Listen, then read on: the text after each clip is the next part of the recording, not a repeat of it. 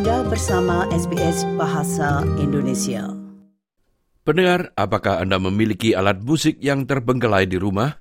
Mungkin Anda ingin anak Anda merasakan manfaat yang tak terhitung jumlahnya dari pelajaran musik, atau mungkin Anda ingin bermain musik bersama secara berkelompok.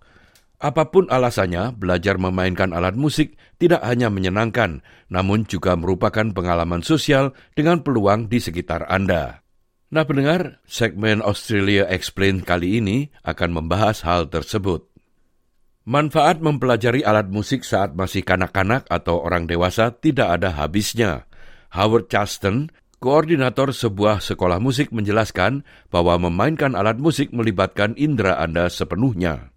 And then, of course, it's the amazing amount of computational skill and translation skill and communication skill that is happening all at the same time. So, as a total activity, obviously the benefits are massive. Very few subjects that you learn at school or in life actually bring it all together in one package. Think about numeracy and literacy. Music has all of that embedded in it and more. It's sort of a cross between numeracy, literacy, and PE. Kini dengan banyaknya pelajaran gratis yang tersedia secara online, Anda dapat langsung memulai dengan beberapa tutorial terpandu yang memenuhi semua kemampuan. Namun mungkin Anda ingin mengembangkan teknik yang sangat baik dan mendapatkan hasil maksimal dari instrumen Anda. Iska Sampson adalah seorang musisi dan guru string atau biola dan viola. Ia mengatakan melibatkan seorang guru instrumen bisa sangat bermanfaat.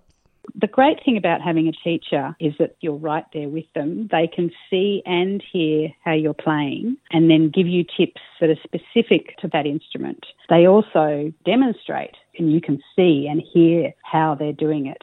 The other great thing about lessons is that you get to play with other people, whether it's just you and your teacher playing a duet, when you're learning how to play in tune together and in time together. You pick up so many skills that way.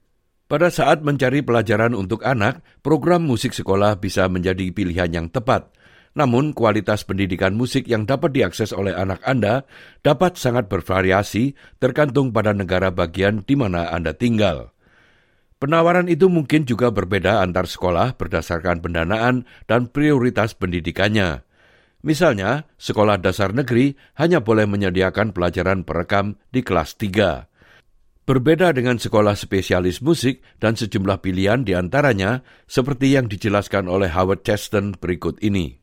Obviously, with the Australian curriculum and also independent schools have their own curriculums, they have requirements for music. So, your average high school will have a music class, but often in schools, they also run individual lessons. So, a child can choose to do that, usually it costs a little bit extra. And tutors come from the professional ranks, so musicians come and teach in those schools one on one, and sometimes in small groups. Beberapa sekolah bahkan memiliki banyak staf musisi profesional yang hanya mengajar musik.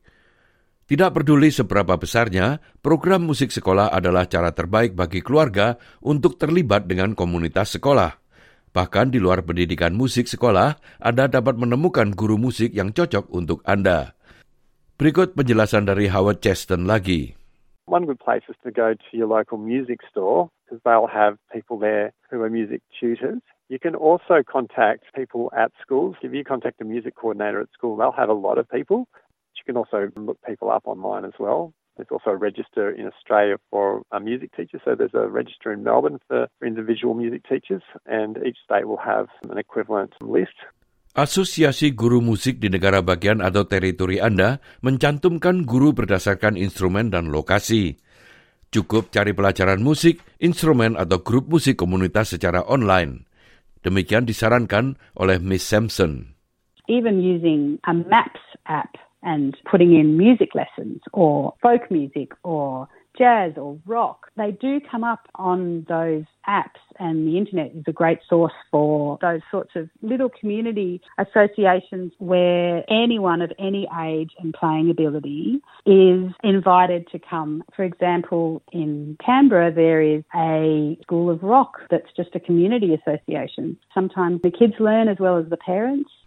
Belajar memainkan alat musik saat dewasa memang terasa menakutkan, namun penting untuk diingat bahwa tidak ada kata terlambat untuk memulai pelajaran musik ini. Selain pertumbuhan dan kesenangan pribadi, mempelajari alat musik bisa menjadi aktivitas sosial yang luar biasa. Banyak orang dewasa mulai bermain dengan cita-cita untuk akhirnya bergabung dengan suatu kelompok dan menjadikannya suatu upaya yang memuaskan dan bermanfaat. Learning as an adult is absolutely wonderful. Group lessons as well as one on one lessons are very much available in most places in Australia and they're of all levels. There's beginners as well as people who played a little when they were children and they want to learn again as an adult. Jangan berkecil hati jika Anda mendapati gaya guru Anda berbeda dengan gaya belajar Anda. Hal ini tidak berarti Anda harus berhenti mempelajari suatu alat musik. Feeling frustration or anxiety or being upset or crying in the lesson, that's something that can happen to people. Teachers are perceptive, but they might not know how they can change their teaching style to help you find the way to learn. So, although it's difficult, telling your teacher what you're feeling can be so useful because the teacher then says, Ah, okay, so how about if we try something different? Menemukan guru lain atau bahkan instrumen baru mungkin juga bisa menjadi jawabannya, dan ada banyak sekali pilihan dalam hal menemukan instrumen. Howard Cheston mengatakan, Departemen Musik sekolah Anda mungkin menyediakan alat musik yang Anda inginkan. Sometimes a school will invest in buying instruments and they will loan those instruments out to the children at a fee. But otherwise, other schools put it on the students and the parents. If they want to learn an instrument, then they have to provide the instrument. And at some schools, it's kind of both. Toko musik bekas dan bengkel instrumen adalah tempat yang tepat untuk mencari instrumen yang terjangkau. Alternatifnya, Anda mungkin menemukan organisasi nirlaba seperti Guitars Gathering Dust yang berdedikasi untuk mencari rumah perawatan bagi instrumen-instrumen yang terabaikan. Badan amal yang berbasis di Melbourne ini mengkhususkan diri dalam mengumpulkan dan memulihkan gitar yang tidak diinginkan yang kemudian disumbangkan ke program pendidikan musik. Pendirinya, Craig Watt, menawarkan nasihat berharga dan hemat biaya dalam memperoleh gitar, salah satu instrumen paling populer untuk para pemula. If you're looking for an instrument, there are many good music stores out there that offer introductory packages, which may include a basic guitar, a case, usually even some means to access an online tutorial program. And obviously, people can contact Guitars Gathering Dust directly, and sometimes we can source an appropriate guitar for a beginner through our own stocks of donated guitars. Program ini juga menyumbangkan gitar ke perpustakaan Dewan Hobson Bay di Melbourne. Watt berharap dapat memperluas Australia untuk meningkatkan akses terhadap instrumen gratis. If you're lucky enough, perhaps your local library may run a program like Hobson's Bay where you can check a guitar out as you do a book for three months, and that gives a person a, an opportunity to see the instruments for them. And sometimes they might just feel as though the guitar is not the right instrument, it might be piano or saxophone or some other instrument. Setelah Anda bermain dan ingin bergabung dengan sebuah grup, carilah asosiasi komunitas kecil, grup folk, dan festival musik di daerah Anda. Komunitas-komunitas yang dinamis ini bertahan karena kecintaan mereka dalam kebersamaan musik dan mereka memberikan peluang yang bagus untuk berkolaborasi dan pertumbuhan musik. Demikian tadi laporan Australia Explained mengenai bermain musik dan bagaimana mendapatkan pelajaran musik. Laporan itu disusun oleh Melissa Kompaknoni dan disampaikan oleh Ricky Kusumo.